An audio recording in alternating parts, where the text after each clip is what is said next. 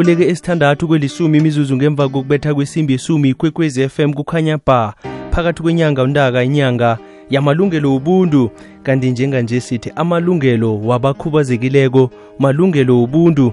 Ngikhambisana lapha eh kazi-ke nobaba ulouis nzimande oyi-national executive director ku-south african national council for the blind. Babunzimande ngiyakulotshisa bewamukelekile emhathweni ikwekwezi fm ya lotshisa kuwe voros naba naba nabala- nabalaleli bekwekwezi FM kuvukekile babunzimande hayi sivukile namhlanje kule inyanga yamalungelo omuntu amalungelo abantu abakhubazekile njengoba sitsho. Kuyazwakala siyathokoza. Singena phezu kwayo eh sibawa ubabunzimande asihlathululele ukuthi nasithi amalungelo wabakhubazekileko malungelo wobuntu sitsho ukuthini kuba yini sitsho njalo? Eh amalungelo because zekile siqala ngokuthi eh bayisitho bangumzimba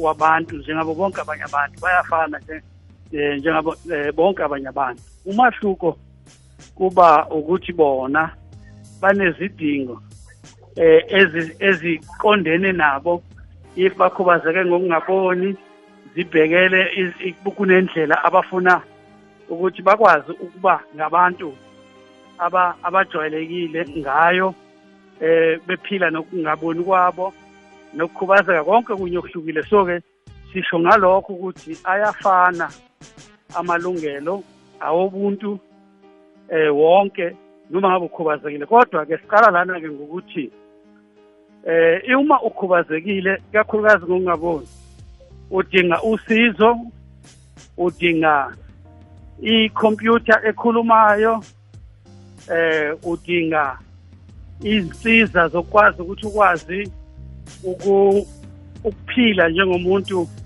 eh op- op- opheleleyo owenza zonke izinto empilweni. So ke siqala lapho nje masikhuluma ngamalungelo abantu abakhubazekile engamalungelo eh obuntu. Kuyazwakala babunzimande ngiba ubabunzimande angibambele njalo umtato. Sidlulise intolo ngemva kwalapho siragele phambili ngendaba esiyiphetheko le yamalungelo wobuntu. Okay. Umzuzu ngowodwa oleke phezu kwemasumi amabili ngemva kokubetha kwesimbi isimbi laphiyana yesumi. Lihlelo ngimnawe sirakhela phambili. Sinobabunzimande emhathweni akho omkhulu ikwekwezi fm kukhanya ba babunzimande abakhubazekileko banelungelo lokufunda ukudla lokuba nekhaya lokuvikeleka njengomuntu woke hlangana namaningi amalungelo akhe usibekele yona izwakale kumlaleli wekwekwezi fm yeah em ake siqale ngale yolimi yelanguage ukuthi abanye abantu abakhubazekile khona abangakhulumi abangezwa futhi basebenzisa i-sign language. Kwi kuyipha kuyingxenye ye ye- ye- ye- ye- ye right to language ku section eh, u- u- u section 9 and then eh, kuphinde futhi kube khona i-braille. I-braille esetshenziswa ngabantu abangaboni ukuthi bakwazi ukufunda lo ukufunda lokhu kwezandla. Naleyo iyilungelo lokuthi bakwazi ukufunda lento kuthiwa i-right to information ilungelo lokuba nolwazi. Eh eh, njengomuntu ongaboni ufanele ukwazi ukuba ne-information njengawo wonke umuntu okhona ukwazi ukufunda ukwazi eh noku noku- noku- nokuzikhulisa ngokomqondo eh ngolwazi. Sibuye sizokhuluma nge-education. Impumalanga iyonke inesikole sodwa esithatha abantu abangaboni ilindo okuhle. Uya uya uyabona ke emsakazi nabalaleli ukuthi i- i-province yonke isifunda sonke sempumalanga singaba nje nesikole sodwa ilindo okuhle kusho ukuthi kukhona abaningi abantu aba abangaboni nabanye abakhubazeke ngendlela ezinye abangakwazi ukuthola ithuba lokuthi bafunde. So ilungelo labo lokufunda liyalimala. Kube khona ilungelo loku- loku- le- le-shelter ilungelo lo- loku- lokuthi babe nezindlu. Eh abantu abangaboni baya- bangabantu abadala banemizi abanye banabantwana eh abanye babo so ba- bane banesi- banesidingo sokuthi babe bakwazi ukuthola izinto. Manje abomasipala eh ne- ne- ne- ne- ne- nengosi le nomnyango lo wezindlu iziko lezindlu sometimes aba abakuthathi eh bakuthathele emqondweni ukuthi banikeze abantu nabantu abangaboniyo abantu abakhubazekile izindlu ba- ngesikhathi kokwabiwa izindlu ezigcemeni eh kuma ward bashiyeke ngaphandle. So ke siyakhala simemeza ku- ku- ku- ku- kuhulumende ukuthi lamalungelo afana nalawa nawo abalekile for abantu abakhubazekile. And bangathathi ngokuthi uma umuntu ekhubazekile unelungelo elithile elihlukile. Amalungelo ayafana kodwa ufanele ube uqinisekise ukuthi u- uya abantu a- a- abakhubazekile uyababala eh, i- u- imithetho yase South Africa ithi okungenani 7% wezinto ezenziwayo. Mangabe u- ufaka amanzi at least ube ne ube ne ne, ne plan ilisu lokuthi at least abantu abawu 7 7% abakhubazekile baya- bayathola nabo kulokho okuncane osuke ukunikeza umphakathi wonkana.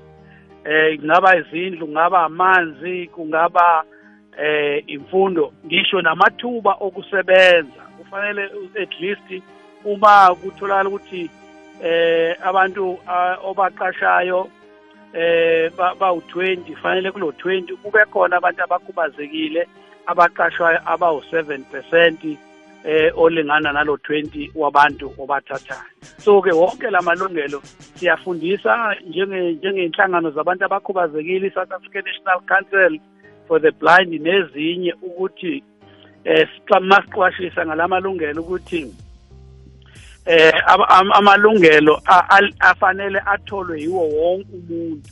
Um- umyalezo wethu uthi atholwa yiwo wonke umuntu. Abomake eh abantu aba- abatsha eh abantu abakhubazekile wonke umuntu oyisakhamuzi sakulelizwe lase South Africa. Kuyazwakala babunzimande inkampani zikatelelwa mthetho ukubana kufanele zisize abakhubazekileko ngalokhu kubizwa nge-reasonable accommodation. Akusihlathululele ngalokho. Yeah. I-reasonable accommodation yakhelwe ukuthi iqinisekise ukuthi ilungelo lok- lo- lokusebenza ilungelo lokuthola umsebenzi ilungelo lokufuna umsebenzi liyaphele liyaphelela liyenzeka. Abantu abakhubazekile bayalithola kanjani na ngokuthi kuthiwe lapho kunesimo sokuthi uthola ukuthi umuntu ophumelele kwi-interview umuntu ongaboniyo eh lapho lo muntu ongaboniko kufanele ukuthi uma ethi unid ufuna i-braille ukuze akwazi ukwenza lo msebenzi make sithi uyi-switchboard operator. Eh ufuna i-braille or ufuna umshini eh ukwazi ukwazi ukuthi akwazi uku ukwenza lo msebenzi ngendlela efanayo nawo wonke omunye umuntu ongena ongakhubazekanga. So kufanele inkampani iba iba iphoqwa ifoswa yilo mthetho eh we-employment equity act eh kunye ne- ne- gui- eh, guidelines zokuthi bang- bangakwenza kanjani ukuthi i-reasonable accommodation yenzeke. So i-reasonable accommodation indlela yokuthi wena wena enkampani o- onomsebenzi ufanele uthathe umuntu okhubazekile mhlawumbe akakhulumi kufanele kutholakale lo muntu ozomsayinele ukuze akwazi ukwenza lo msebenzi. Uma akaboni kufanele athole i-braille athole ikhompyutha ekhulumayo. Uma akakwazi ukuhamba kahle udinga i-crutch athole i-crutch. Uma efanele athole i-wheelchair athole i-wheelchair. So i-reasonable accommodation isho leyo nto ukuthi mababe ne-budget ngoba kuthiwa angithi ums- umsakazi kuthiwa sometimes kufanele ku- kuqashwe omake kuqashwe eh u- ulutsha uh, kanjalo kanjalo. So kuye kuthiwa ke kwezinye indawo kuthiwe no ni- nimhlophe nonke la makuthathwe eh kube khona nabantu abamnyama abantu bakithi. So yonke leyo nto i-reasonable accommodation esu- eyenze. So nala-ke kukhubazekeni i-reasonable accommodation yenzeka ngale ndlela engiyichaza ngayo eh engicabanga ukuthi abalaleli be- bekwekwezi FM bayizwa kahle. Kuyazwakala babunzimande entolo enthabathabeni zentolo nezinye indawo nje zemiphakathi kuba nendawo eh namkha iparking ekhethekileko yabakhubazekileko. Kanti bakhona abantu abangakuhloniphiko lokho umuntu aphake. Siyithini?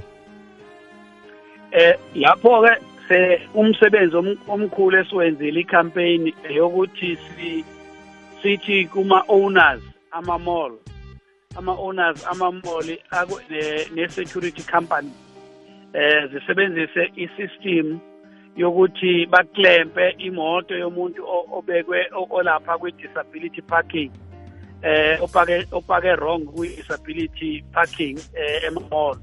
Kodwa futhi ngaphezulu kwalokho kuze kube khona nefine kwamanye ama-mall lapho ifine leyo eh ukuthi uzukwazi ukuthi ukhulule le moto yakho eh sithi ke i-mall ifanele ithi mayibamba laba bantu iqinisa isandla umthetho ibabambe labantu ibafayine ibophe imoto ngiklempe lezi moto and then bathole if babacharge ifine yemali and le mali bayiqoqe bayithumele ezinhlanganweni ezahlukahlukene zabantu abakhubazekile ngoba iyancedisa as well ukwenza i-reasonable accommodation. Nokusetshenziswa kwama-toilet abantu abakhubazekile boros khona emamall uthola umuntu engakhubazekanga kodwa engena etoilet lomuntu okhubazekile because itoilet lomuntu okhubazekile limncedisa ukuthi akwazi ukuba nengasese i-privacy yakhe if engenile la toilet because ama-toilet amakhulu uyabona umuntu if akaboni uhamba nomuntu ongumama akakwazi-ke manje ukungena naye etoilet.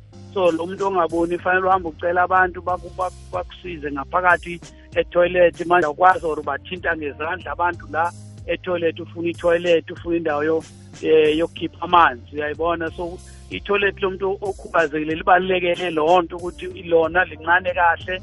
Uyakwazi ukuzwa indawo ngesandla indawo yamanzi la ufuna ukuhlamba izandla i-toilet la ufuna ukuzincedisa khona i-toilet so na nalokho futhi sithi lama-mall eh awagadi ukuthi ayakhiwa lama-toilet lama-cleaner angavumeli abantu basebenzise lama-toilet eh nama-security kuyazwakala. eh angavumeli abantu basebenzise lezi zimoto. lama-parking lezimoto zabo babunzimande sithokoza kakhulu ilwazi nesikhathi usiphe sona. Namhlanje ngakho konke usitshiye nakho ragela phambili ube nelanga elimnandi ilanga isithathu siyabonga kakhulu kwikwekwez f m um futhi bathathe udaba labantu abakhubazekile balithathele phezulu. Um siyabonga ukuthi siyakwazi ukufundisa um umphakathi wethu wonke. Nabantu abakhubazekile bazi ngamalungelo abo nomphakathi wazi ngamalungelo abantu abangaboni. Basincedise futhi basisekele ukuthi abantu abakhubazekile babe ingxenye yomphakathi baphile kuhle njengawo wonke umuntu.